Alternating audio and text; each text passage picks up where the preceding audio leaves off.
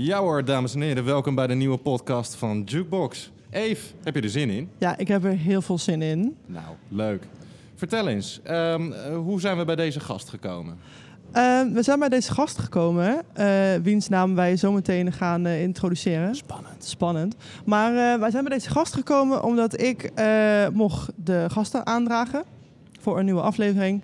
En toen bedacht ik deze gast omdat ik heel erg ook de manier van zijn schrijven um, ja, tof vind. De manier hoe hij zijn liedjes maakt uh, liggen mij heel erg. Omdat hij met, in mijn idee met heel veel humor en heel veel uh, dubbelzinnigheid um, gepaard gaat. Mm -hmm. Dat, ja, dat vind ik wel. Uh, dus, dus, en, en dat ligt mij heel erg omdat ik dat zelf ook graag toepas in mijn eigen schrijven en in mijn eigen tekst. En omdat deze aflevering gaat over tekst maken en creatief proces, dacht ik, nou, dat is wel een um, match. Tof. Ja. Wat een intro. Stijn, kom er maar in. Ja, ik word er een beetje verlegen van, uh, Oh. moet ik zeggen. Kan je erin vinden? Wat zeg je? Kan je erin vinden? Uh, nou ja, humor zie ik zelf nooit zo heel erg uh, in mijn teksten. Bij, bij, bij, ja, bij bepaalde liedjes wel heel erg. Maar, uh, maar nou ja, dankjewel sowieso. Ja, graag gedaan.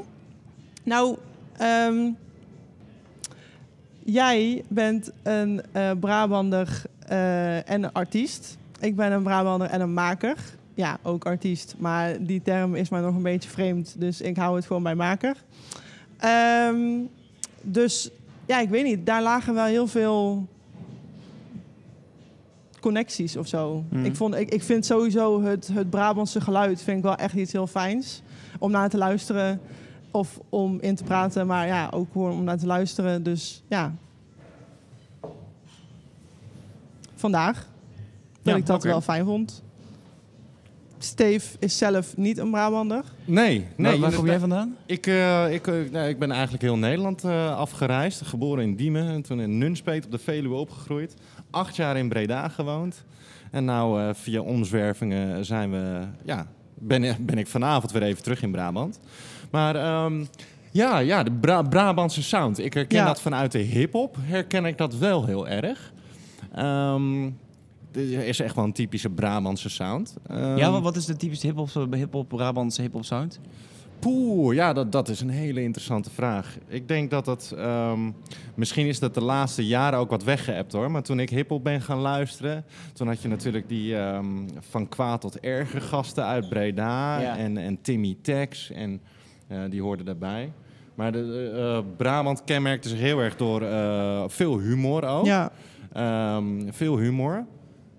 Maar ook een, een, een, een, vrij recht voor, recht voor de raap stijl.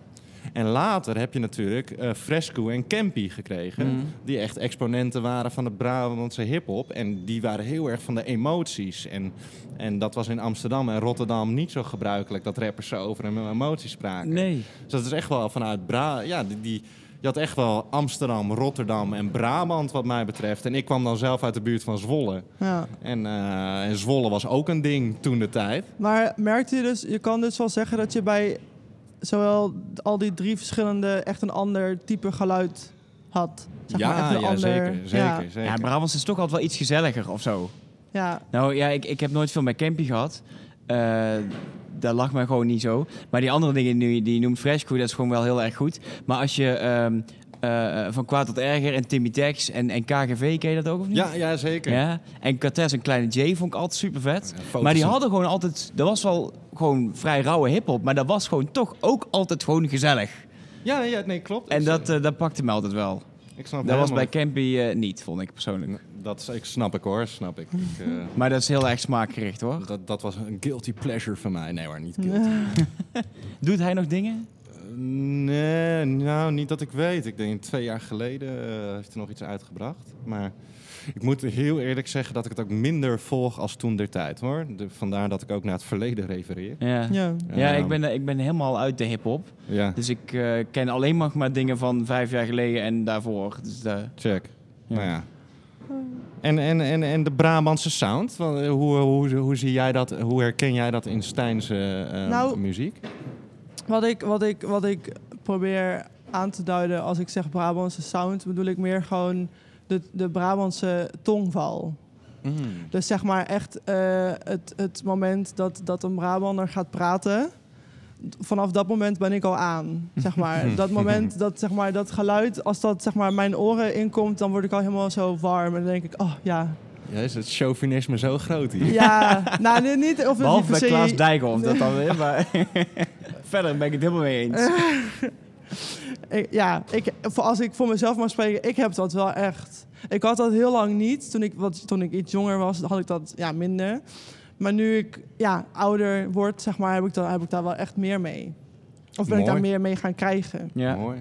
Maar ik denk sowieso dat het zuiden is gewoon wat zachter. Ja, maar dat, dat, dat, dat inderdaad, dat zachte en dat ja, wa- ja, warme, zachte, Ja. vind ik gewoon Ja, echt over die heel chill. cultuurverschillen kan ik nou wel mooie anekdotes vertellen. Weet je, want ik heb echt eh, de hele andere werelden meegemaakt. En dat klopt wel hoor, de, de, de Brabants is anders. Ja. en dat, dat weerspiegelt dan ook wel, dat doorklinkt in de muziek Ja, ja. eh, vaak. Ja, dat is, wel, dat is wel mooi. Och ja, je wordt er helemaal warm van, van die, eh, van die Brabantse tongval dus. Brabantse mannen. Nou, grijp je kans. Nee, maar ehm, ja, dat. Ik vind, maar dat, ik vind dat ook wel echt eh, een stukje persoonlijkheid. En ik vind een stukje persoonlijkheid wel echt heel belangrijk in eh, maken van werk. Zeg maar, je, je, het, het, je voelt echt gewoon dat het met eh, liefde gemaakt is als je, als je luistert naar ja, liedjes die, die in, in, in, in dialect zijn gemaakt of, of, of in, in, in, in, in eh, moedertaal zijn geschreven. Dat, de- je, hoor, je voelt het en je hoort het gewoon. ja, het is veel puurder. Ja, Maar het is... ehm, eh, als, ik, als ik naar Amerikaanse muziek luister, wat ik grotendeels doe, denk ik... eh, dan luister ik vooral naar de muziek. En als ik echt de tekst Ja. wil gaan luisteren, dan ga ik toch ook wel meer... Dan moet ik echt goed luisteren, terwijl mijn Engels is prima. Eh, maar als je Nederlandstalig hoort, dan hoef je geen moeite te doen om het te verstaan. Mm. En dat is toch wel fijn. ja, Ja. Snap ik wel. En dan komt die oprechtheid denk ik ook veel meer naar boven. Ja, Misschien dat scheelt. nou ja, en eh, als ik het puur leg op mijn eigen eh, maken van, van mijn teksten dan. ehm, die humor en die, die dubbelzinnigheid. eh, onbewust en soms natuurlijk ook gewoon keihard bewust, maak ik daar gebruik van om, om die tekst te maken. Omdat ik met humor en met dubbelzinnigheid wel kan zeggen dat ik eigenlijk gewoon eh, vandaag gewoon echt een kutdag heb, heb gehad. Of dat ik vandaag, of eigenlijk de afgelopen week, me echt zwaar shit gevoeld heb. En door die humor en door die dubbelzinnigheid kan, je het, kan, je, kan ik me wel zo kwetsbaar opstellen. En had ik niet gekund als ik daar een heel zwaar eh, eh, theatraal eh, eh, stuk tekst over had geschreven, bijvoorbeeld. Ja. Ja, herkenbaar denk ik wel, ja. Ja, Hoe zit het bij jou? Waar, waar, waar zit jouw eh, inspiratiebron voor teksten? Hoe, hoe vormt zich dat, een tekst? Begin je met een zinnetje? Begin je met een woordje? Nee, een ik heb altijd best wel een, eh, een vrij compleet idee eigenlijk. Altijd al helemaal klaar. Ik schrijf, maar, ik schrijf heel weinig liedjes, zeg maar een paar per jaar eigenlijk. Vijf, zes misschien. Eh, iets meer als het een keer mee zit of als ik wat meer tijd heb. Maar ik, bij mij moet een liedje echt helemaal, helemaal ontstaan vanuit een verhaal of iets wat ik heb meegemaakt. Of een idee wat zich door een aantal weken heeft gevormd. En dat, dat, dat, dat, dat broeit dan een beetje op en dan komt op een gegeven moment uit. Ik kan niet zomaar gewoon gaan zitten en denk, nou, ik ga vandaag eens een liedje schrijven. Dan komt er helemaal niks. oh, dat snap ik echt zo goed. Oh, dat snap ik echt. Ja, dat heb ik ook. Ja. Dat, ik kan, want je hebt, ook mensen die, je hebt ook mensen die wel zo werken. Hè? En eh, no offense, daar is niks mis mee. Moet je lekker vooral blijven doen als dan voor je werkt. Maar ik heb precies dit. Als, ik, als je mij een leeg papier geeft en een pen... en van ga er maar aan zitten en maak maar een leuk, leuk, leuk verhaaltje... nou, dan komt er echt geen ene sotomie eruit. Nee. Gewoon niet. En het is best Nul. frustrerend ook gewoon. Ja. Ik wil altijd op vakantie denken, oh, Ja. op vakantie heb ik gewoon een paar weken vakantie. Hè? Lekker. Lekker, weg, eh, Ja. tijd zat, lang in de trein zitten of zo, weet ik veel. En dan denk ik, oh, dan moet ik toch wel een keer een liedje kunnen maken. Ja. Ja. En dat er Nee. dan helemaal niks komt. En, dan, en dan, dat geeft me dan gewoon een rotgevoel. Dat ik denk, hoezo, hoezo, kom op, tijd zat man, gooi er eens wel uit.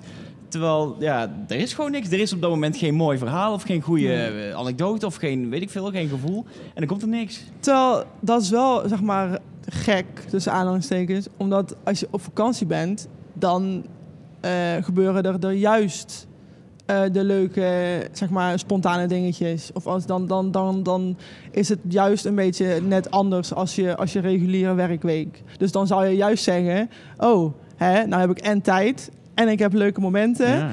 ik kan erover gaan schrijven. Maar dan, ja, niet. Nee, nee, Nee. ja, zijn soms wel hoor. Want Ja. ik heb eh, even de nummers waar ik, waar ik tot nu toe eh, trots op ben, die ik heb gemaakt de afgelopen jaren, die heb ik geschreven in een bus in Peru. Eh, Dat wel, maar dat kwam dan toevallig. Zag ik iets of Ja. reden we ergens langs, deed me dat ergens aan denken. En dat kwam, dat kwam, daar kwam een idee van uit. Ja. Maar dat was. eh, ja, dat komt niet heel vaak voor. Het is wel vaak dat ik iets op vakantie meemaak. En dat ik dan na terugkomst, twee weken later of zo, dat ik daar dan wel in één keer een liedje over schrijf. Ja, Maar op, op het moment zelf, ja, het moet, dan is het toch nog niet of zo. Dan heb ik Nee. wel iets meegemaakt wat zou moeten gaan leiden tot een liedje, maar dat is er dan nou, nog En- niet. En ben je dan ook zo, zo iemand die dan eh, zinnetjes opschrijft in, in, in je telefoon en dat je daar later iets mee doet? Of gespeeld is dat, dat echt allemaal af in je hoofd en dan komt er op een gegeven moment na drie weken melodie en een tekstconcept, Ja. eh, zoiets. Ja, de laatste eigenlijk. Ik heb wel eens losse zinnetjes en die schrijf ik dan ook op. Mhm. Doe ik nooit meer iets mee. nee. Oké. Dat, eh, Nee. ja, of, de- of dat dat alleen een concept is voor een liedje gewoon. Ja. Dus dat, dat wordt dan uiteindelijk wordt dat een deel van het refrein of zo. Maar, ehm, maar niet heel veel meer dan dat. Heel vaak verdwijnt dat weer. Terwijl ik denk, oh, dat is juist een heel leuk concept. Maar dan weet ik daar niks verder bij te verzinnen. En dan, Dan, dan slaat het dood of zo. Of dan Ja. valt het, ja. Ja, of dan moet je zo heel geforceerd er Ja. iets omheen gaan bedenken. Terwijl het alleen juist meer een soort leuke protestslogan zou zijn of zo. Maar dat is het dan ook of zo. Ja. Oh, Veel ja. meer wordt het dan niet. Ook snap dat. Ook, s- ja, ik snap dit heel goed. Het Ja, ik leuk. snap dat ook helemaal. Echt leuk. Ja. Want, en, wat, ik, heb, ik heb raptracks van jou geluisterd. Wat is jouw, dat is jouw main ding, denk ik, toch? Of niet? Ja, jazeker. Ja, hoe, en hoe ik dat aanpak? Ja? Of, nou ja, ik, eh, ik ben wel een puzzelaar. Dus ik ben wel iemand die, die ook veel zinnetjes opschrijft. En dan, Mhm. en dan zinnetjes bij elkaar voegt. En dan nog woordjes verandert en lettergreepjes. Denk ik dat rap textueel ook wat technischer is. Ehm weet je wel, meer lettergrepen en het moet allemaal passen. en dat je hebt veel meer tekst nodig sowieso. veel meer tekst ook. Ehm, maar inderdaad, dat het, het forceren van inspiratie is wel heel moeilijk. Ehm, kan ik ook de advocaat van de duivel zeggen, eh, spelen en zeggen... ehm, ik denk als jij echt een hele goede kunstenaar bent, weet je, dat je op een gegeven moment ook leert om op willekeurige momenten mooie kunst te maken. En daar schaad ik mezelf dan niet tussen. nou, ik denk dat Nou. jij dan bedoelt eh, dat je als je een goede kunstenaar bent, jezelf leert in de stemming te komen om eh, vatbaar te zijn voor, voor inspiratie. Dat is ja, ehm, mooi gezegd misschien, ja. Want ja, want dat. Ja, dat. Ja, precies. Dus dat je, dat je, ehm, ja, dat je, dat je weet hoe jij je in Ja. de juiste stemming moet brengen om, zo'n nummer te kunnen komen. schrijven. Ja. Ah, Maar dat, dat, je- dat is inderdaad wel zo hoor. Bijvoorbeeld, iedereen heeft een soort van eigen setting. Ik, Ja. ik schrijf veel beter s'nachts bijvoorbeeld. Eh, ik weet niet hoe dat bij jou zit, Stijn. Eh, oei. Geen idee. Ik heb daar geen speciale... Niet ochtends, dat sowieso. Nee, dat sowieso. Maar ik denk dat als je, als je, zegt, als je jezelf traint om eh, in een bepaalde, bepaalde vibe te komen of zo... Ja. Dan, eh, dan word je denk ik meer een, een liedjeschrijver dan een muzikant of zo. Dat is voor mij nog een beetje Ja. verschil. Ik, ik, Ja. ik, ik hou altijd van de, van de echt oprechte liedjes. Dat je hoort, oké, dat Ja. verhaal wat die zanger of zangeres nu aan het vertellen is, dat moet er echt uit. Of dat je zegt bijvoorbeeld, ik las laatst zo, voor, voor het laatste album van Guus Meeuwis, zijn ze met, z'n- met, een- met een groepje zijn ze op een hutje bij gaan zitten, zeg maar. Ja. En, eh, en, en, en dan zijn ze aan een plaat gaan werken. Ja. En dat is dan meer inderdaad, oké, hè, we, we gaan nu met z'n allen liedjes schrijven. Wie heeft er een leuk idee? Dan gaan we erop voorborduren. Mhm. Maar dat is iets heel anders dan dat je denkt, oh, dit vind ik echt, nou, dit, dit zit mij zo dwars. Hier Ja. moet ik echt iets mee. Maar dan is het meer, eh, dan is het gewoon een voorkeur voor een genre, namelijk troubadour. Want als jij, Ja. ja, troubadour-achtig is eh, een liedje vertellen, of, of, of, of wat, wat, wat, wat zei je nou net? Eh, piraten, of, of Oh, het is helemaal zo. Zee- ja, Zeemansliederen, zeemansliederen. Dan, ja. maar, maar een, een, het zou ook heel gek zijn dat een uh, Guus Meeuwis opeens een eh zeemanslied gaat maken. Kan die doen, maar nou, ik is, vind Brabant vind ik toch best wel een zeemansnummer. ja, maar dat is heel erg in het begin geweest van, van wie hij is. Ja. Nu. Het zou denk ik, als hij nu weer zo'n liedje zou maken, zou er heel anders uitkomen. Oh ja, oké. Ja. Nou, Een soort herhaling van of Ja. zo, wat meestal minder is. Ja, Nou, dat is, natuurlijk wat, wat, dat is natuurlijk een beetje de vloek van het eerste album, weet je. Ja, dat ja. heb je vaak bij artiesten. Een eerste album is vaak het pro- product van tien Ja, jaar van jaren aan werk. Ja, creatieve, zit creatieve ideeën. Superveel En ontwikkeling. dan worden ze groot, dan breken ze door met het eerste en dan album. Ja. moet je... En dan moeten ze ineens binnen twee, drie jaar, afhankelijk van het contract, moeten ze ineens een dan album er opleveren. En dan, dan is het een hele andere case, want dan ben je inderdaad een liedje schrijven. Ja. ja. Dan moet je gaan proberen om, om de fans een beetje eh, te... Dat is zo, de, het eerste album van Nas is echt een klassieker. Ja. En dat is, dat, iedereen vindt dat fantastisch. Iedere hip-hop fan die, die, die, die dat album kent, die vindt het geweldig. Ja. Maar je hoort best wel van mensen, ja, verder hebben we, dat, dat is het dan. Ja, niet dat dat het is, Mhm. maar gewoon dat, dat zal altijd zijn vetste album blijven. Die die heeft geschreven als, hoe oud was hij, volgens mij? Misschien nog niet eens twintig of zo. Nee. Terwijl al die hè? latere dingen, Ja. dus hij blijft een goede rapper, maar hij zal nooit meer zo'n vet album kunnen maken of zo. Ja. Nee, nee dat, dat klopt helemaal. Ja. Ja. Ehm, ja, en je, je hebt er natuurlijk tal van voorbeelden van. ehm. en, eh, de- de- en, en je hebt ook eh, nog weer andere processen erin. Bijvoorbeeld Ben Howard. Die kennen jullie allebei waarschijnlijk. Hè? Dat, eh, Alleen van naam, maar ik vind dat niet zo Mm. goed, moet ik heel eerlijk zeggen. Nee? Ja, nee, heb, je nooit, heb je nooit iets van hem gehoord? Nee, ik, ik, eh, ik ken nooit dingen. Nee. Oh. nee. Oh, dat leek me echt iets wat je, wat je zou kennen dan. Maar, ja, ehm, nee. Ik, weet- nee, ik weet eigenlijk niet. Ja, ik van naam. Maar eh, waarschijnlijk... eh, eh, ik denk nu aan iemand en waarschijnlijk is hem daar ook niet eens. Oh, Nee. nou, nou ja, Ja, goed, maar ja. maar die, die, is, die is dus de eerste plaat echt doorgebroken. Mainstage Lowlands, dacht ik. Een geweldige plaat. Tweede plaat hoorde je al dat hij echt een beetje op die tour verder moest, weet Mhm. je wel. Dus eh, waarschijnlijk heeft zijn platenlabel gezegd van, eh, nou doe dat trucje nog een keer. Ja. Ja. En daarna hoorde je echt dat, dat de artiest Ben Howard daar een beetje klaar mee was. En die is toen ontzettend zijn stijl om gaan gooien, weet je wel. Dat eigenlijk alle fans die hij met twee albums heeft opgebouwd, Weg zijn. is die daarmee een beetje kwijtgeraakt. Ja. En dan geeft hij natuurlijk geen fuck om, om maar zo te zeggen. Omdat hij, hij is een echte artiest en hij wil wat maken. Maar eh, ja, het is heel interessant om zo'n proces dan... eh, dat heb ik bij hem echt zo gezien. Maar je hebt ook deels, deel van de fans die willen dan nog een keer hetzelfde horen. Ja. Want daar zijn ze zo fan van geworden. Terwijl als je een derde keer een beetje hetzelfde gaat doen, dan wordt het een beetje uitgekoud. Maar als je dan je stijl een beetje omgooit, zijn er heel veel mensen van ja, maar, ja, maar vind ik Ja. Terwijl, ja. Ja. Hoezo, vroeger maakten jullie allemaal dit en dit. Ja, maar muzikanten die veranderen ook. Die willen op een gegeven moment ook wel eens een keer Ja. iets anders Ja. doen. En een deel van de fans die, die, die, die trekt dat goed, die gaat daarin mee. En dan heb je toch ook wel een deel wat af kan haken. Ja. Omdat die niet met die stijl mee kunnen veranderen of zo. Gewoon dat, dat ze dat niet trekken of niet tof vinden of zo. Maar dat is best Ja. altijd een lastig ding. Ik zit even te denken, want het gaat nou natuurlijk over, over liedjes schrijven en over, over eh, raps dan. Eh, maar ik zit te denken hoe dat is dan bij, bij, bij spoken word-achtig iets. Ik kan daar helemaal geen invulling van maken. Ik weet wel hoe ik zelf schrijf. Wanneer, wanneer ik mezelf in een setting bevind dat ik lekker eh, bezig ben en dat ik goede creativiteit heb, zeg maar. Maar ik zou niet weten hoe je daar. ja, Hoor je wat precies? hoe je, hoe, je, hoe je jezelf daarin dan kan zetten als het gaat om eh, spoken word schrijven. Maar hoe bedoel je dan, hoe, hoe bedoel je? Nou, Nou- net ging het over hoe zeg maar, artiesten zich eh, ja, in die setting kunnen zetten. En, Ja, en als jij, als Oh. jij, als jij een, een, een, een liedjeschrijver bent of je bent een rapper en je moet ook ja, rap schrijven, dan, ehm, ja, ik weet niet. Dan, dan werk je al in een bepaald zeg maar, genre of in een bepaald groepje. Ja. Nee, dat, dat, eh, ja, nee, ik snap wel helemaal wat je bedoelt. Want ik merk ook aan mezelf bijvoorbeeld... eh, ik ben heel erg een, een alleenschrijver, weet Ja. je wel. Terwijl in rap is het nog wel eens gebruikelijk. Ja. We moeten het niet te veel over rap gaan hebben trouwens, hoor. Maar ehm, dit schrijf je ook heel vaak met andere mensen. Ja. Dus ga je met z'n drieën de studio in en dan ga je die track maken.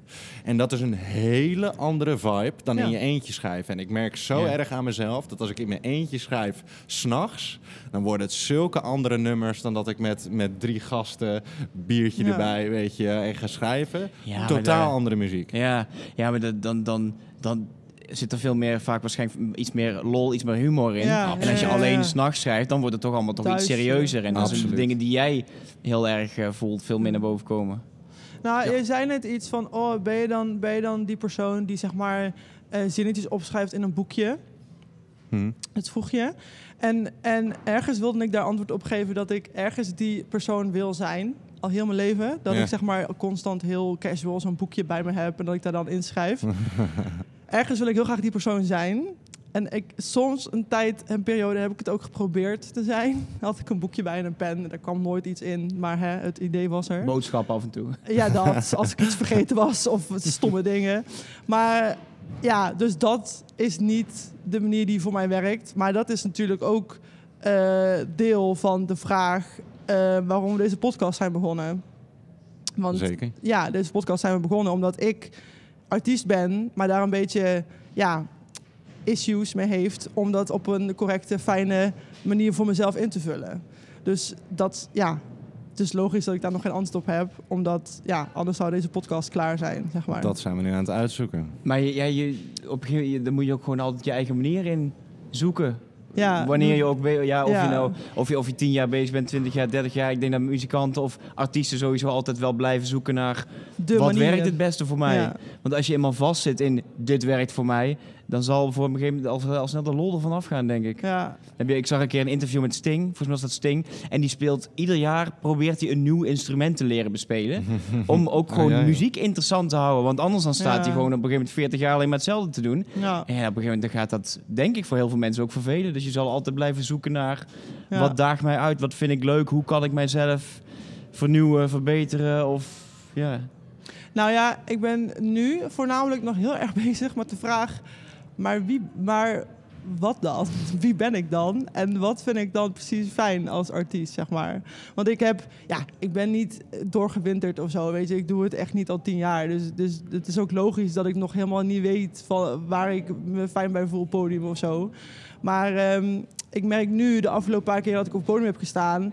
Ja, niet lullig, maar dat was voor mij persoonlijk niet echt een hele toffe ervaring. Waarom niet? Nou, omdat ik een soort van interne eh, paniekaanval kreeg altijd als ik op het podium ben. En dat is volgens mij niet helemaal de bedoeling. Het is juist de bedoeling volgens mij voor de artiest dat hij het leuk heeft Ja. en dat hij het naar zijn zin heeft gehad. Of je moet er wel heel veel betaald voor krijgen. Ja, nou dat is het nog niet. Dus nee. Maar dus ik ben, ik, toen ik dat ervaarde een paar keer... Ja, oké, een lichtelijke paniekaanval is overdreven. Maar ik had het gewoon echt niet naar mijn zin. En ehm, daarmee ben ik toen dus met Steven in gesprek over gegaan. Daar hebben we toen drie gesprekjes over gevoerd. En toen kwamen we er wel achter van... oké, dit is wel een groter issue, zeg maar. Of niet een groot issue, maar dit is wel een groter onderwerp... wat, wat bespreekbaar kan gemaakt worden door middel van een podcast, zeg maar. Hmm. Dus zo hebben we een beetje de podcast op poten proberen te zetten. Ehm, ja, wat, wat gaat er dan niet chill aan het optreden bij mij? Ja, heel veel tegelijk. Zeg maar, als ik, zeg maar, stel, ik moet ergens optreden. Oké, dan weet ik dat ik op de, op de lijst sta op programma, zeg maar. Nou, dan bijvoorbeeld Steve, die nog mij aan, of iemand anders, maakt niet uit. Maar dan, nou, die paar seconden voordat mijn naam, zeg maar, uitgesproken wordt om aangekondigd te worden... Nou, zeg maar, ik ga door de grond. Het is echt, het is verschrikkelijk. nou, dan loop ik naar het podium. Nou, dan echt shaken en echt helemaal, helemaal niet chill. Nou, dan sta ik op het podium. Een soort van krampachtig te doen wat ik denk dat de bedoeling is. Namelijk mijn tekst, zeg maar, voordragen. Nou, dat doe ik op de meest ongevoelige manier die er is. Als een soort van robot. Dat er gewoon geen enkele optie is dat het überhaupt fout kan gaan. Dan, dan bedank ik vriendelijk iedereen. Want dat moet, want dat, hè, dat wordt je geleerd, dat is prettig. Dan weet iedereen dat het voorbij is en jij ook. en, en, dan, en dan loop ik weer af. En dan heb ik heel erg spijt dat ik het moment niet eh, beter en fijner heb ingevuld naar mijn eigen hand. Nou, dat neem ik me dan echt enorm kwalijk. Nou, dus het is eigenlijk gewoon negatief gevoel op negatief gevoel op negatief gevoel. Hmm.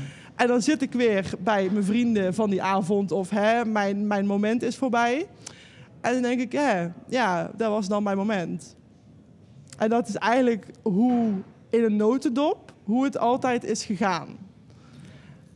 Oké, maar dat is eigenlijk doodzonde, toch? Ja, dat is eigenlijk gewoon best wel stom.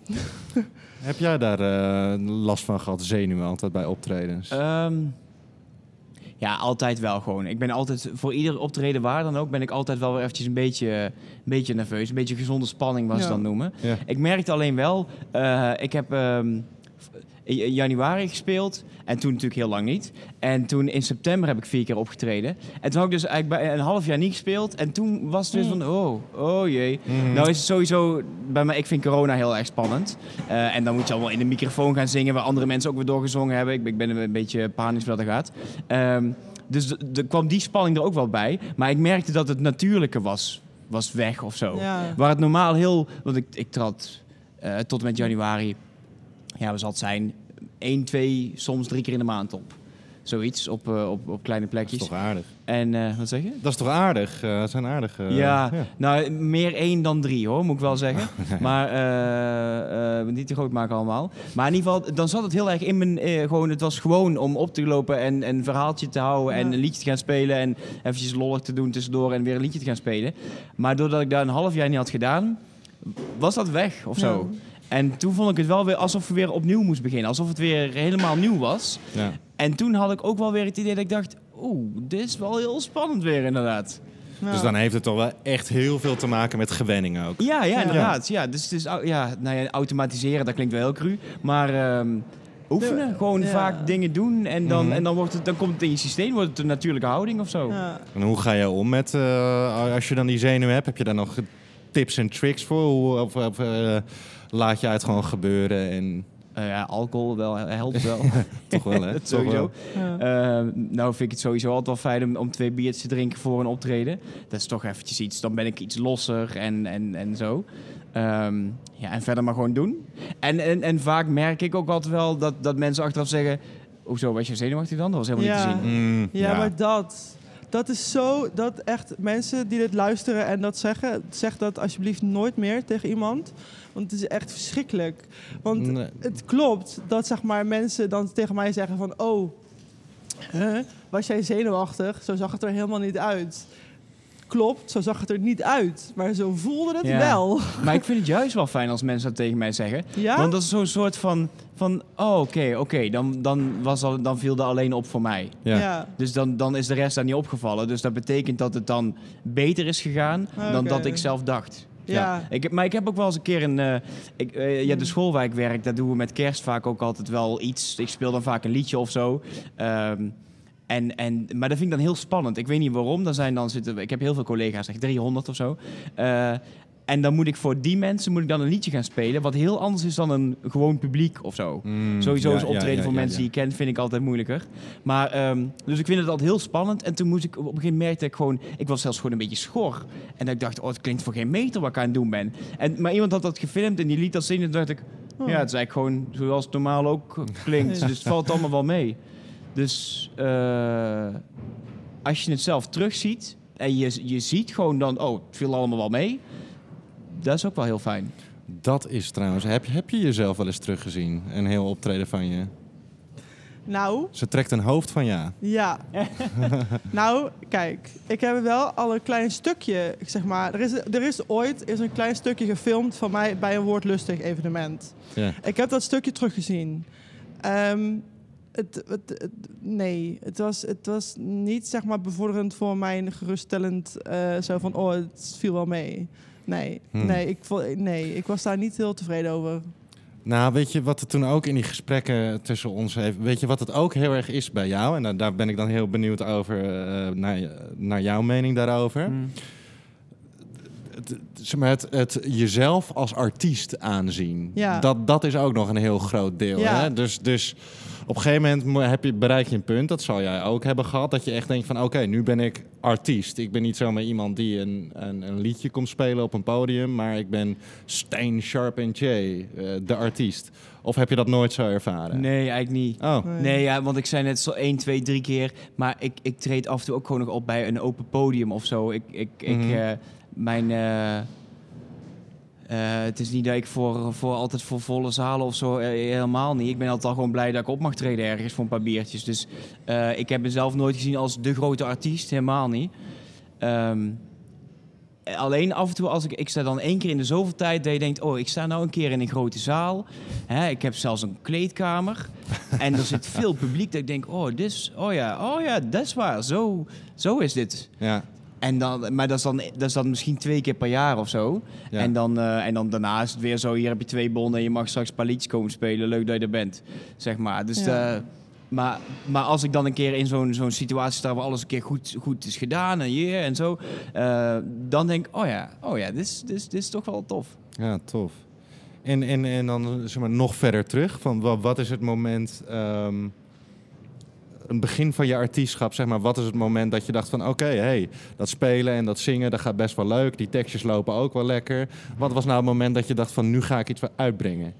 Weet je dat nog? Ja, ik had al best wel snel. Eh, achteraf was ik, ja, ik, ik heb op mijn zestiende, ik heb eerst heel lang hip-hop gemaakt. Ik weet eigenlijk niet of dat bij jullie bekend is. Dat- Niet bij mij, nee. Oh nee, ik, heb, ik, heb van mijn, ik ben op mijn vijftiende begon ik met rappen. En eh, ik heb tot mijn 25ste, denk ik, heb ik eh, echt, was ik, gewoon, was ik rapper. Eh, eh, even kijken, ik heb heel, Marco Martens, kennen jullie die? Ja, zeker, zeker. Ik, ben, ik heb heel lang met hem opgetreden, was ik zijn backup rapper. En ik had daarnaast ook mijn eigen ding. En op een gegeven moment ben ik bij Marco weggegaan, omdat dat, ik vo- ik vond gewoon tijd dat ik alleen maar mijn eigen ding had, zeg Mm. maar. En, en, en pas een jaar of tien geleden of zo ben ik gaan doen wat ik nu doe. Met gitaar. Eh, en daarvoor was ik, altijd, was ik altijd rapper. Maar op mijn vijftiende, toen zat ik op de middelbare school nog. Toen heb ik in mijn examenjaar, 5 HAVO, een demootje uitgebracht van 11 liedjes. Maar dat was echt, eh, ja, als ik het nu terugluister, was dat... eh, ik vond het toen heel erg, gewoon heel erg tof, Ja, ook vet ja, om dat uit te brengen en zo. En, en op dat moment lag in, in Nederlandstalig hiphopland de, de lat ook nog niet zo heel erg hoog. Dus het werd op zich ook nog best oké ontvangen. Eh, maar als ik dat nu terugluister, denk ik, nou... Van welke jaren hebben we het dan? Of, eh, Ja, even kijken. Toen was ik 16, dus dat is 18 jaar geleden. 18 jaar geleden, ja, vroeger 2000, oké, ja, ja, ja. Ja, 2002 was dat. Ja, ja, ja. Maar toen ook ja, wat, wat optredens meegedaan ook en zo. En dat eh, was allemaal leuk. Maar als ik dat nu terug hoor, denk ik, oh jezus. Dat Ja. was, eh, ja. Maar ja, dat, dat, ik denk dat heel veel mensen dat hebben over hun eerste Ja. Ja, nou, ik of in ieder optredens of zo. Ja, Dat, maar ja, dat hoort er ook een beetje bij. Maar ik denk dat dat ook... eh, als je dan twee jaar later kijkt, denk je... Oh, oh wat ik nu maak, vergeleken met toen... ben ik echt alweer heel veel gegroeid. En dat, denk dat dat ook gewoon zo hoort. Nou, het gekke is dat dat inzichtelijke stukje, zeg maar, dat je hè, terugkijkt naar oud werk en dat je dan denkt, oh, dat is toch was niet zo heel slecht. Ehm, ik heb daar wel met eh, de YouTube-filmpjes die ik maak, maar ik kan het nog niet eh, met mijn woordtekstjes of met mijn, met mijn spoken word tekst die ik maak. Want als ik terugkijk naar mijn allereerste filmpjes op YouTube, dan denk ik echt, jeetje, wat jeetje, dit is echt, dit is een kleuter van twee, die kan dit beter, zeg maar. En nu ehm, gaat het zoveel, gaat zo soepeler en zoveel, weet je, ik weet wat ik aan het doen ben. Ik heb een, weet je wel, een richting waar ik in heen wil gaan. Oké, misschien gaat dat niet altijd helemaal soepel, maar ik heb hem wel voor ogen, zeg maar. Dus dan ja, gaat het veel soepeler. En ik kan dan nu wel daarop terugkijken op oud werk en denk van ja, hè, het is dan misschien een beetje knip en plak en een beetje hak op de tak en een beetje moeilijk. Maar ja, ik heb het wel gewoon gemaakt. En er zit wel, ik kan nu wel die, die, die opbouwend, zeg maar, ja, verbetering kan ik wel zien. Hmm. Ja, maar dat is ook heel logisch, toch? Ja, Want als je met... Dus je, als je het vergelijkt met voetballen, iemand die voor het eerst gaat voetballen, die is al blij als hij de bal een beetje bij Ja. kan houden. ja, En, en, en een paar jaar later is het een wereld van verschil, zeg maar. ja. Maar ja, dat, dat is bij alles zo. Ja, maar zo, dat, dat... Het is ook, denk ik, ook gewoon dat proces, dat, oh, ik moet het nog leren proces, waar ik echt heel erg een hekel aan heb. Nou, maar dit, dit- ik, ik wou net de koppeling maken tussen dit. Dit is ook wel voor mij heel erg van. Ik ben altijd heel erg bewust bezig geweest met mijn ontwikkeling als rapper. Dus ja, rap als vak zien, als kunst en zeg maar schaven aan die kunst. Zoals een schilder beter probeert te worden, weet je. Zo heb ik dat altijd wel benaderd. Mhm. En dan kan je zeggen van, nou, dat is een beetje kil of technisch. Zo moet je kunst niet benaderen. Maar dat is gewoon, ja, wat, wat ik, wat ik ehm, eh, tof vond. En dat is ook wel deel van dat artiest zijn, denk ik. Hè? Dat, ehm, ehm, ja, dat op een gegeven moment als je jezelf artiest noemt of vindt... en Ja. jezelf zo ziet... eh, en dan niet de grote artiest hoor, wat, eh, wat we net zeiden... maar gewoon als artiest, dus ehm, meer dan een hobbyist... ja, dat, dat, je dan, dat je dan ook ja, de, de, de, de noodzaak ziet van jezelf eh, blijven ontwikkelen en Ja. doen. Zoals zo'n Sting, eh, dat prachtig voorbeeld net, Ja. dat wist ik niet. Ja, vond ik echt heel vet. En ehm, ja, dus dat, voor mij had het ook wel, wat je zei, ook wel met dat artiest eh, zijn te maken. Hoe, ben jij altijd heel bewust bezig geweest met je ontwikkeling als artiest? Ja, ja zeker. Ja. Ja. vooral- maar vooral met je... eh, nu meer dan vroeger, denk ik. Hm. Ik denk, ja, ik, denk, ik was toen ik echt helemaal begon met rap, was ik 16. En ik vond toen al super vet. Ik dacht, oh, dit is gewoon toch vet. Eh, maar misschien is het ook een beetje puberaal dat je zegt je nog niet helemaal realistisch naar jezelf kan kijken of zo. Maar eh, dus toen vond ik mezelf al, al best wat stiekem eigenlijk. Eh, maar als ik nu kijk, ieder- ik wil in ieder liedje wil ik iets nieuws leren. Qua Ja. gitaarspel of zo. Qua zang, dan denk ik altijd, ja, ik vind dat ik wel... Ik, ik, ik zal, denk ik, of ik moet echt zangles gaan nemen, daar heb ik eigenlijk geen zin in. Maar qua gitaarles wil ik altijd wel meer... eh, toch net even een iets andere akkoord of zo. Ik speel eigenlijk nog steeds heel simpel. Maar dan moet toch ieder liedje eigenlijk weer iets in zijn... wat ik nog niet heb gedaan. Dat is tof. Dat Ja, maar waardeer dat- ik heel erg. Ja, ja. Ja, maar dat komt bij mij vooral ook omdat ik eh, mezelf als gitarist altijd een beetje tekort vind schieten of zo. Eh, ja, ik pak echt vaak gewoon maar gewoon hele simpele akkoorden. Mhm. En, eh, en ik wil eigenlijk diep van binnen heel graag veel meer kunnen doen met een gitaar dan dat ik eigenlijk nu kan. Ja. En daar komt dat een beetje vandaan. Nou, dan maar per, per liedje iets, iets nieuws. Ja. En, he- en heel technisch, om eh, de, de tricks of the trade. Hoe, hoe vind je je Ah. akkoordenschemaatjes? Zoek je wel eens tabs op, gooi je akkoorden om? Of hoe eh, begin je met eentje, ga je van daaruit? Nou, nee, ik, ik ga altijd maar gewoon uit van de bastoon of zo. Ik schrijf eerst altijd een tekst. Of ja, ik, ik, ik, ik- het is niet dat ik met een gitaar op schoot een liedje zit te schrijven. Ik schrijf altijd eerst de tekst. En, dan ga ik dan, en dan heb ik al een melodie in mijn hoofd. Die eigenlijk al toch al voor, voor een heel deel af is eigenlijk. En daar ga ik de akkoorden bij zoeken die daaronder passen. Oh joh. En, eh, maar dan de ene, als je hele kritische muzikanten hebt die zeggen van ja, je hebt inderdaad wel hele simpele ehm, akkoorden. Maar iemand anders die zegt weer van ja, je hebt, je hebt wel hele rare akkoordenschema's. Je merkt aan jou wel dat je geen theoreticus bent, zeg maar. Het is hoe jouw muziek in elkaar zit, klopt af en toe niet helemaal. Mhm. Omdat je zelf eigenlijk niet zo goed weet hoe het zou moeten werken, maar het klinkt prima of zo. Oké. Ja. Dat vind ik altijd wel leuk. Ja. Dat, is helemaal niet juist ja, ik, ik heb ooit wel gitaarles gehad toen ik in groep 6 zat of zo. En daar vond ik helemaal niks aan. En pas 15 jaar later ben ik, heb ik die gitaar weer opgepakt. Dus ik, maar dus, dus ik heb niet heel veel theorie of zo. Ik doe wat maar wat. Nee. Oh, dat is wel grappig. Of grappig, dat is dan wel, zeg maar, ja. Dat is interessant om te Ja, horen, want ja, ik, ik, speel ook, ik speel ook een beetje gitaar, een heel klein beetje. En dan eh, ben ik ook aan het leren zingen. Het lijkt echt nergens op, jongens. Dus verwacht geen nummers binnenkort. Maar ehm, ja, ja, ik zou dan meteen van... Ik begin dan Ja. met, met een akkoordenschemaatje, weet je. Ja, En dan, dan- Voor mij is het toch stiekem nog wel heel erg tabs opzoeken. En dan gooi ik ze een beetje om, zet ik een capo ergens op... en dan klinkt het anders, weet je wel. En... ehm, en dan ga ik daar een soort van melodie voor de tekst op bedenken. En dan daar als laatste komt pas Ja. de textuele invulling. Ja, Maar het is heel interessant om dan eh, ja, dat het iedereen een precies ander proces. andersom is. Ja, ik ben al- altijd sowieso best wel tekstgericht geweest, volgens mij. Ik had, eh, wat ik, eh, in de tijd van, van hip-hop maakte ik mijn eigen beats altijd. Met, met samples alleen nog maar. Sick. En eh, dan, oh ja, dan had ik wel een beat gemaakt en, en daar ging ik dan opschrijven. Dus dat, dat wel. Alleen nu werk ik eigenlijk heel veel andersom. Eh, dus dan denk ik, ja, ik kijk maar gewoon wat, wat dan een beetje oké klinkt. Ja. Ik zoek wel eens een keer ook wel dat ik denk, oh, ik wil een nummer maken zoals, zoals die dat ook, zoals dat ook klinkt. En dan wordt het achteraf iets heel anders. Dus eigenlijk nooit dat ik dan denk, oh ja, het is inderdaad wel gelukt om ook zoiets te maken. Dus Ja. altijd, zelfs de stijl kan helemaal compleet anders Ja. zijn. Dat, eh, het is maar net een beetje hoe, hoe het loopt allemaal. Maar, maar dat is goed. Ja, dat is, dat is perfect. Want als, als het ja, klinkt als iets wat je Ja. gehoord hebt, weet je wel, dan, eh, dan zou het niet je eigen stijl zijn. En als er dan iets anders uit Ja, ja, het, het, ja. lukt- ja, of je kan gewoon zeggen, het mislukt iedere keer. Dat kan, dat kan ook. Ik probeer het politiek correct te maken. Ja, precies. Het is maar net, is maar net hoe je ernaar kijkt. Ja, nee, maar het is, de, de akkoorden die ik pak, die zijn heel simpel. Maar ik denk dat ik eh, qua akkoordenschema's vaak toch wel eh, iets heb. Ik, nou, ik, doe, ik zoek wel eens akkoorden, dat ik een, een liedje heb en dan dat ik mijn akkoordenschema google. Hmm. En als ik die dan kan vinden, heel makkelijk, dan denk ik, oh, dan doe ik iets anders. Ja. Oh. Want ik Want wil dan, dan ben je bang of zo dat, dat, dat het te voor de hand ligt. Ja, of, dat, het- of als het heel vaak... Je hebt van die akkoordenschema's die, die, die, waar je zo... Als je dat dan speelt, dan kan je er echt 30 liedjes op zingen, Mm. zeg maar. En, de- Ja. en sowieso dan denk ik, oh nee, dan laat, Laat maar. maar. Daar wil ik niet. Ja. dat Weet je dat Love. Me Do? Uh, Ja, ja, precies. Do. Van die dingen die overal op kunnen, Ja. dat vind ik niks. Dus als, het, als, het echt een, eh, als, het heel, als ik het heel makkelijk vaak vind, dan denk ik, nou dan laat maar. Ja.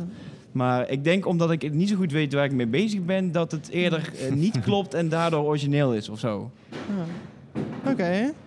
Ja, nee, dat kan heel goed. Dat kan heel Maar de, goed. je heeft ooit iemand mij, eh, die, die, die vond dat heel tof. Die, die kwam dat een keer naar een optreden en zei van ja, ja doordat je, Klopt je niet. pakt hele rare dingen. Je ziet dat jij Ja. geen muziek gestudeerd hebt, want je pakt dingen die eigenlijk niet kloppen of zo. Maar het klinkt wel. Nou, dat is wel een compliment. Ja, vond ik zelf leuk. Prachtig compliment, ja. Ja, vind ik wel. Be- beter dan andersom, weet Ja. je wel? Dat het theoretisch allemaal klopt, maar niet lekker klinkt. Ja, dat. ja, ja, Ja, ja, of dat Ja. het te cliché is of zo. Want, eh, Ja.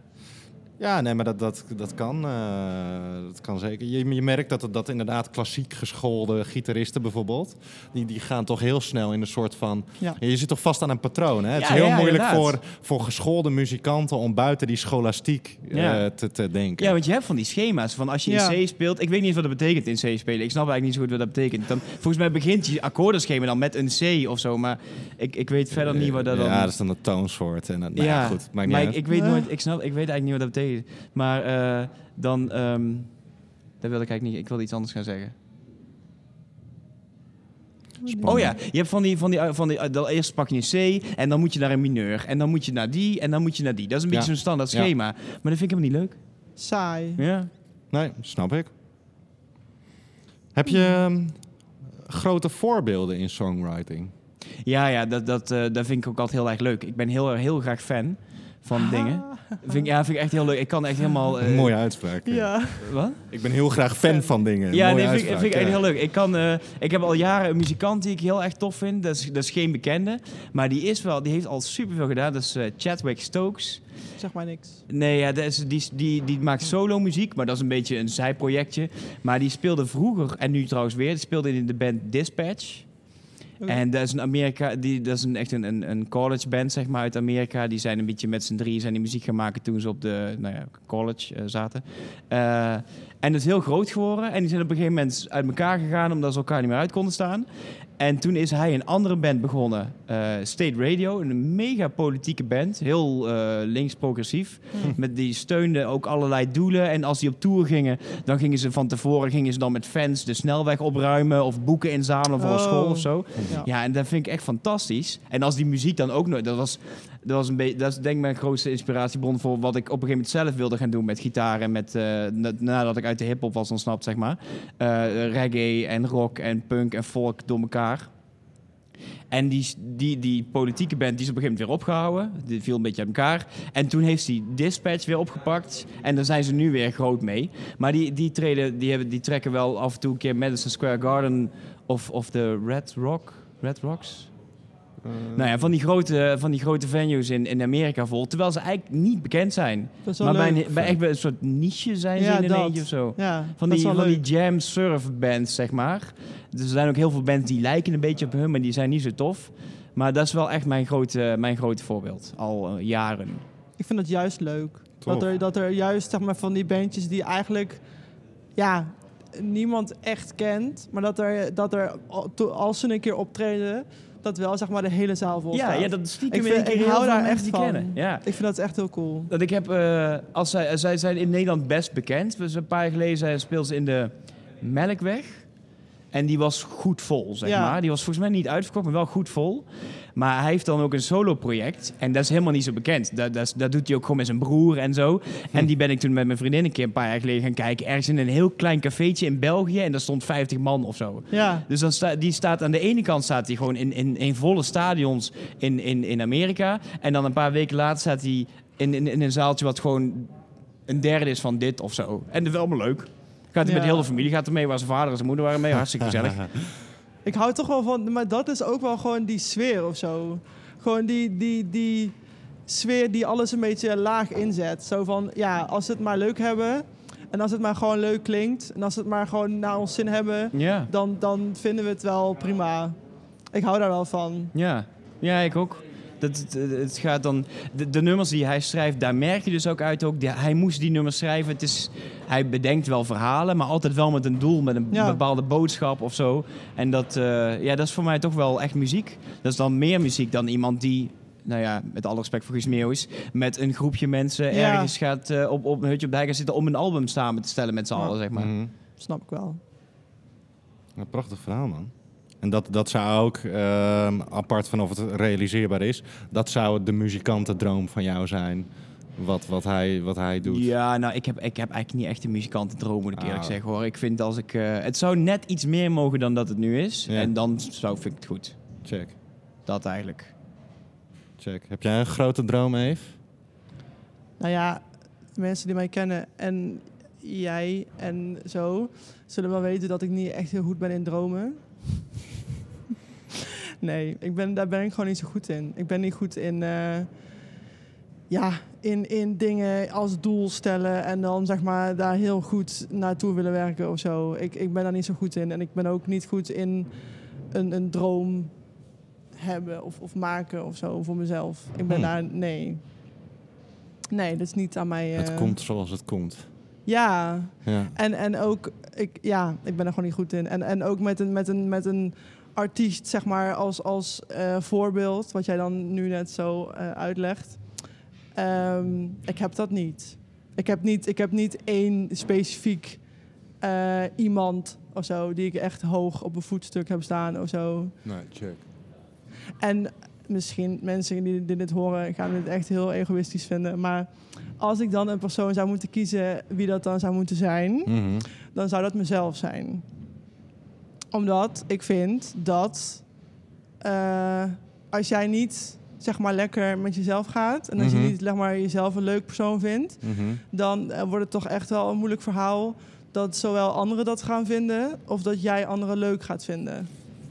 Dat lijkt me een hele goede insteek. Ja, Dat is een beetje zo van je kan pas van een ander houden als je van jezelf kan houden. Maar dat is wel echt zo. Of het- althans, ik vind dat, ik geloof daar, ik geloof daar wel echt in. Ja. Maar het neemt niet weg dat je natuurlijk creatieve voorbeelden kan hebben. Van, ik, Nee, ik, heb, ik heb ook gewoon weet je, mensen die ik echt eh, Nee, qua tuurlijk. creativiteit en, en god, ik, ik, ik kan er een heel lijstje geven, weet je. En, en die vind ik geweldig Ja. omdat hij dit net kan. En die vind Nee, ik geweldig tuurlijk. omdat ze dit net kan. En, Tuurlijk, maar de- de- weet je, anders hadden we nu ook niet jou als gast gehad, zeg maar. Fair Tuurlijk. enough. Ik fair heb, ook, ik, ik heb ook namen die... Jij die- bent... Een voorbeeld. Wauw. Ja. Nee, nee ja, ja, ik heb gewoon heel veel mensen, of niet heel veel, maar ik heb wel echt gewoon een aantal eh, artiesten.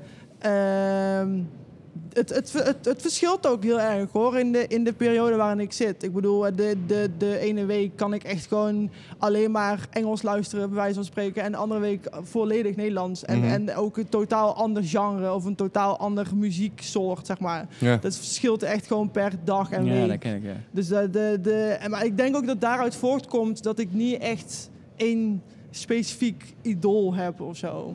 Oh ja, maar dat hoeft ook niet, hè? Nee. Want hoe, ik denk hoe meer idolen je hebt, hoe, eh, hoe breder je jezelf kan ontwikkelen. Ja, Als je, als je altijd maar naar één iemand luistert, dan ga je die vanzelf op een gegeven moment een beetje nadoen, denk ik. ja. ja. De, en, en als je meerdere voorbeelden hebt, dan ga je jezelf veel breder ontwikkelen. Wat, doe, doe er eens drie. Doe er eens drie. Nou ja, inderdaad, op rapgebied vind ik eh, Kanye West vind ik heel tof.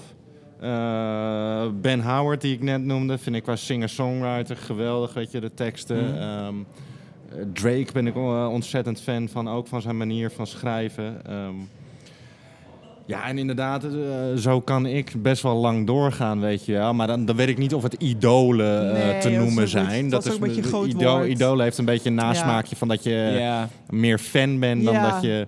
ja. Maar er- er zijn wel, ik, hou, ik hou wel van het idee van eh, de, de, de, zeg maar, grootheden, weet je wel. Ehm, Nou, oké, om dan een voorbeeld te noemen. Ik mocht, eh, ik had een kans gekregen om eh, met Ellie Lust, om bij de boekbespreking van Ellie Lust te zijn. ja, Ellie Lust kennen we allemaal, heeft meegedaan aan Wie is de Mol en, en is... eterdiscipline. Nou, dat. En die is eh, oh, voor- ja, de voormalige... iemand vandaag ergens in een groepsapp. Wat is dat? Dat is zeg maar, etendiscipline is binnen de politie eh, beroepsgroep een heel ding. Dat zeg maar gewoon de manier van communiceren door je portofoon. Ah, dat verklaart heel veel. Ja, Nou, gesprek zij- zij noemden dat een keer bij Wie is de Mol? dat een En keer dat een is- soort gimmick geworden. Is een soort meme-achtig Ah, iets geworden. Oké. Ehm, ik mocht dus bij haar zeg maar, op, op een boeklezing zijn. Nou, en dat was wel een moment dat ik had, zoiets had van... oeh, weet je wel, en ik heb haar best wel hoog zitten als persoonlijkheid. Ja. En, eh, dat, en dat ik werd uitgenodigd om bij haar op, op boeklezing te komen... met heel veel andere mensen, maar ik mocht daar ook bij zijn. Nou, dat was wel even een ding. Ik vond dat wel echt wel een, een, een afvinkmoment van mijn bucketlist, zeg Ja. maar. Dus dat, dat was wel tof. Ja, maar ik vind dat persoonlijk ook iets heel moois hebben. Ik vind het helemaal niet raar dat je opkijkt naar bepaalde mensen. Omdat, Nee. omdat jij vindt jij hebt ook een beetje dat zij iets... Ja, dat vind ik wel. Je, je moet jezelf optrekken daaraan, Ja? vind ik. Ja. Ja. En nooit jaloers worden of, of inderdaad in de, in de kreukels liggen als het niet lukt. Weet Nee. je wel, niet, niet ik wil dat leven Nee. leven. Dat, Nee, daar nee, zou nee, het nooit nee. om moeten gaan, wat Nee, mij nee, betreft. Nee. Maar meer inderdaad van, oké, Ellie Lust, die, die, die heeft een bepaald karakter of een Ja. manier van gedragen, die Ja. ik heel tof vind. Dus Ja. Maar dat hebben mensen altijd gedaan. Dat, Ja. Weet je, de mensen die fan zijn van Skywalker, of van, van Star Wars, die willen allemaal Luke Skywalker zijn als ze, als ze jong zijn, qua Ja. jongen, zeg maar. Om eh, gewoon dat je de- iemand waarvan je denkt, oh ja, daar herken ik me. Ja, dat, Ja. dat eigenlijk. Je, her- je wil je Ja, herkennen in iemand. En, en dat je denkt, oh, daar kan ik van, van leren of zo. Hm.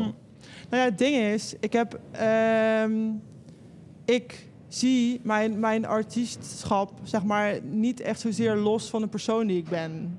Zeg maar, ik heb vanuit vroeger onbewust en nu redelijk bewust eh, best wel veel gedaan aan, aan zelfontdekking of, of zelf, hè, mezelf eh, ja, leren kennen. En dat deed ik op jonge leeftijd ook al, maar nu ook. En, en eh, het artiest zijn zit daar heel erg in verweven of zo. Omdat ik vroeger schreef ik ook gewoon veel teksten, maar dat ging gewoon puur omdat ik dat deed vanuit een onbegrip ten opzichte van alles, omdat ik gewoon ja, een jong kind was wat de wereld niet begreep. Hm. Dus waar mijn uitvlucht was gewoon dingen opschrijven. En daaruit voort zijn mijn spoken word tekstjes gekomen. En dat doe ik nu nog steeds vanuit dat opzicht. Dus, dus die eh, twee aspecten die zeg maar met elkaar verweven zijn, ja, dat soms botst dat. En soms is dat heel erg lastig om, om dan daar ja, in te vinden eh, wie je nou bent. En, en, en wat je nou precies wil als artiest. Maar ook eveneens wat je nou precies bent en wil als persoon. Oh ja, maar, dat, maar dat vind ik het vette aan, aan, aan iets maken. Ja, Gewoon die, die keiharde noodzaak van. ja. Gewoon wat je zegt van Ja. nou, dat je, ik moest dingen opschrijven Maar, om ja, maar mezelf- dat was, dat was puur, dat nou was en is puur de kern van mijn maken. Omdat ik gewoon, daar, alles wat ik maak, kan je terugkoppelen aan dat. Hm. Alles. Ja, YouTube, alle, alles. Tekstjes, alles. Omdat ik gewoon nog, omdat ik altijd iets heb gehad, en eh, ja, vanuit kinds af aan dan iets heb gehad, wat uit, uit een puur ja, niet begrijpen. Gewoon, gewoon dingen niet snappen en er dan of in willen duiken of, van, of juist van weg willen gaan om het te kunnen begrijpen. Dus ja, vanuit daar is ook deze podcast gekomen, omdat ik gewoon niet snapte hoe artiest zijn werkt. En, en door in gesprek te gaan met andere artiesten, met een jou en met Steve en met, met andere mensen, ja, toch een soort van poging om er, om er enig grip op te krijgen of om er enig beeld bij te kunnen hebben, zeg maar. Oh ja, maar ik weet, ik weet ook niet of je daar grip op moet. Nee, dat ga je nooit kunnen. Nee, maar het is als je, eh, als je zegt van nou, de, de teksten schrijf ik zodat ik, nou, wat je zelf zegt, om, om mezelf te leren kennen. Ja. Of eh, dat, dan maakt je al tot. eh, dat, dat is al een functie van, van, van Ja. heel- de- het maken bij elkaar. Ja, Want dat is, voor, ik heb dat, is de, de, de eerste teksten die ik schreef, die lijken eigenlijk een heel groot deel nog steeds op dezelfde tekst die ik nu schrijf. Gewoon heel maatschappijkritisch. En we Ja. zijn toch allemaal aan het doen. En zoeken naar antwoorden in teksten. En, en je eigen gevoel erin kwijt kunnen. En dat is al, dat is, ik vind dat veel belangrijker dan een volle zaal of Ja. zo. Gewoon dat jij jouw jou, jou, eh, jou, ehm, eh, jouw uitlaatklep kan gebruiken om jezelf rust te geven. Of om jezelf eh, blij te maken of wat dan ook. Ik vind zo gewoon veel meer waard dan, eh, ja, dan, Ja. dan die 50 euro gage of zo. Ja, maar ik denk ook dat daar het, weer, eh, daar het ook een beetje uit voortkomt dat... ehm, want het is letterlijk zo. Op het moment dat ik op het podium sta... Mensen, de teksten die ik zeg maar voordraag... eh, mensen kijken daarmee letterlijk in mijn hoofd. Het is ja, letterlijk zo, Mm. zo, zo transparant is het. Dus het is ook niet gek dat ik daar als een soort van rietje zo sta te beven. Zo van, oh shit, deze mensen gaan nu zeg maar mee met mij in mijn hoofd. Dat is wel even next level. Dus het, e- aan de ene kant vind ik het ook niet raar dat ik het zeg maar zo'n zo'n big moment vind, zo'n groot moment vind om op het podium te staan. Maar aan de andere kant denk ik van ja, Eve, hallo, je bent nou bijna ja, 30, 27, bijna 30. En je Nou, wil dat gewoon... Nou, wel, maar je gaat nou wel zeg maar naar zeg maar echt volwassen toe zijn. Het is wel een beetje de bedoeling dat het een beetje een, de, een beetje normaal wordt. Het hoeft niet zeg maar Oh, de normaalste zaak van de wereld te gaan worden. Liever niet ook, want dan is de lol er vanaf. Ja, maar ja. ik wil wel gewoon een beetje dat het een beetje meer in mijn, in mijn tweede natuur komt. Oh ja, maar dat, want dat kan wel, maar dat is, dat is veel oefenen. Hè. Dan is het gewoon eigenlijk een soort een trucje onder controle krijgen. Hè, om jezelf zo op je gemak voelen op het podium. Maar als je net zegt van mensen kijken echt in mijn hoofd. Het is eigenlijk heel gek om Ja. voor een groep mensen te gaan staan. Ja. En aan hun precies te vertellen wat er allemaal in jouw hoofd omgaat. Ja. Dat is eigenlijk helemaal niet natuurlijk. Nee. Zo, het overgrote deel van de mensheid zou Doet het dat niet. verschrikkelijk vinden om Ja. dat te moeten doen namelijk. Ja. Dus het is helemaal niet gek dat je dat spannend vindt of, of wat dan ook. Want dat is het ook. Ja, Dus doodeng. het zou heel bizar vinden als je Ja. daar zo een mega op je gemak gaat staan en dan maar eens aan iedereen gaat staan vertellen die daar niet om gevraagd hebben. Ja. wat, je- wat, wat, wat, ja, wat, Ja. Wat, jou, wat er bij jou speelt, zeg maar. Nou, en daarom, en daarom vond ik jou als, als gast ook zo chill om te hebben, zeg maar. Dat, ehm, ik ben heel erg kritisch naar mezelf. Dat weet ik. Ik ben ook heel erg kritisch naar de omgeving, naar mijn vrienden. Naar, heel, gewoon over het algemeen heel kritisch.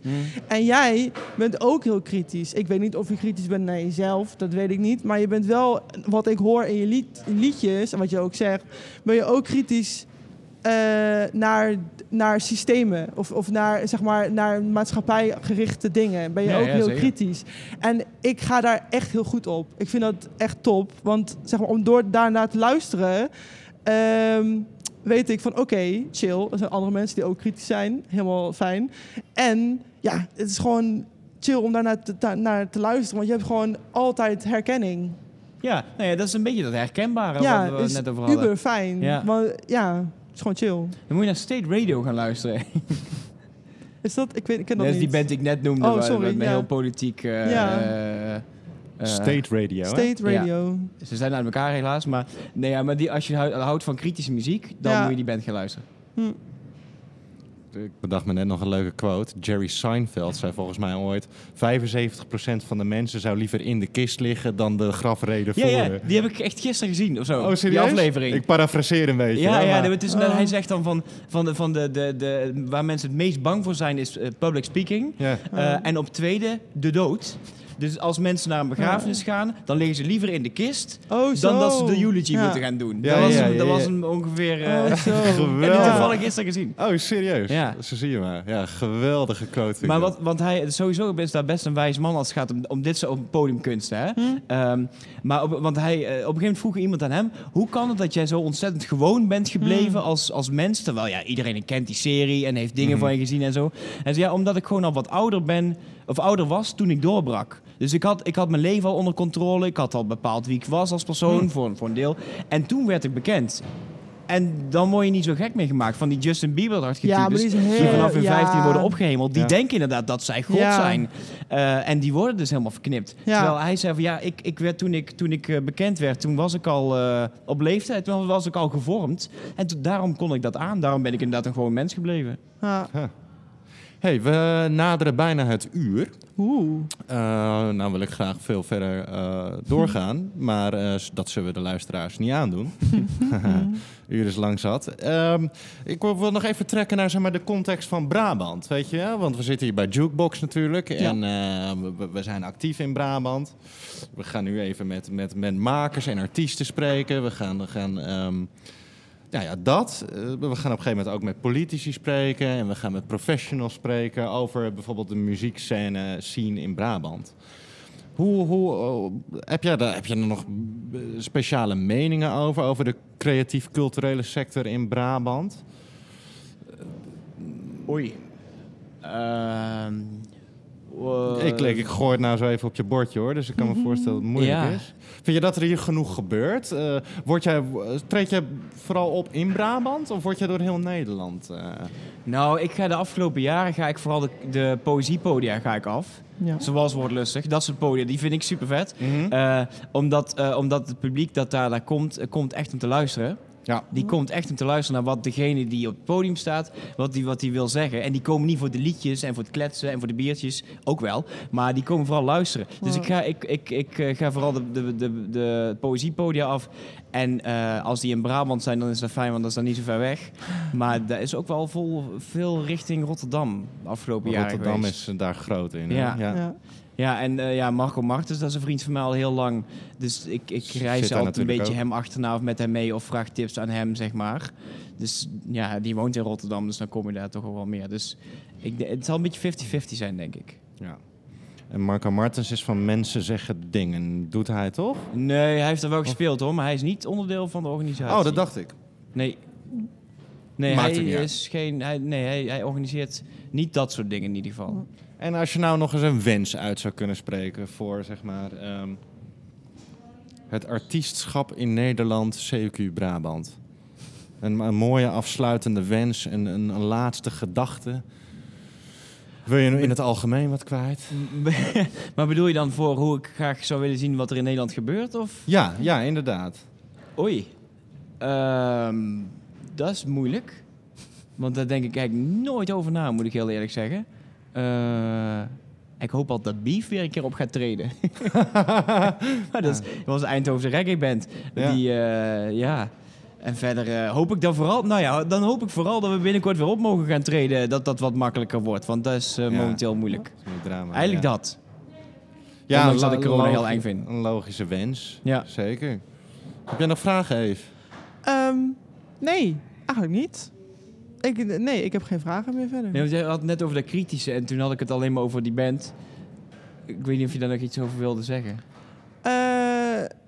N- nou, niet specifiek over dat, maar wel zeg maar over het algemeen genomen ehm, vind ik het altijd wel goed om eh, kritisch te zijn. En ik heb wel gemerkt in de tijd dat ik dat, of op, op de momenten dat ik dat doe, dat dat soms ehm, bij, al heel snel bij mensen in het verkeerde keelgat kan schieten. En, en Hoezo? ja, dat je, dat je, dat je dat het, dat het handiger in sommige dat het, dat het eh, vaker handiger is om zeg maar gewoon maar mee te gaan met eh, de al, over de algemene mening. Mm. eh, als dat je er echt lekker tegenin gaat, zeg maar. En precies het tegenovergestelde of iets anders wil. Ik was vaak die persoon die dan net het andere weggetje in wilde gaan. Of die dan net even iets anders wilde. Ik heb wel gemerkt dat dat ehm, ja, tot, tot soms best wel wrijving kan, kan, kan geven binnen een groep of tussen mensen, zeg maar. Dus eh, ja, en, en naarmate je ouder wordt leer je daar wel in. Dus ik heb wel geleerd om dat iets meer nuance aan te brengen. En niet gelijk met stoelen en tafels te gaan gooien en zo. ja. Ehm, dus dus het- ja, dat. En, en dat het gewoon een goed ding is om kritisch te zijn. Dat is eigenlijk mijn, wat ik ja, wel vind. Ja, ja, nee, daar ben ik mee eens. Ik, ja, ik ben af en toe iets te kritisch zo- als ik het heb over op mezelf of zo. Maar eh, ik hou sowieso van mensen die kritisch zijn naar de Ja. maatschappij in muziek. Vind ik heerlijk. Ja, Eh, maar ik denk dat het als, eh, als, als, als kunstenaar, als artiest ook goed is om... Nou ja, waar we het in het begin eigenlijk over hadden, is kritisch naar jezelf te zijn. Omdat je daardoor ja, blijft groeien. ja, Cirkeltje rond. ja. Kritisch zijn mensen. Krit- kritisch zijn. Kritisch. Ja. Dat, dat, dat, dat is wel een conclusie. Ja. Dat, mag, je, ma- dat, dat mag wel echt. Maar dan zeg kri- ja, kritisch op zijn Brabants, dat het wel een beetje zacht blijft. Ja, Ik, ik vind hem geweldig.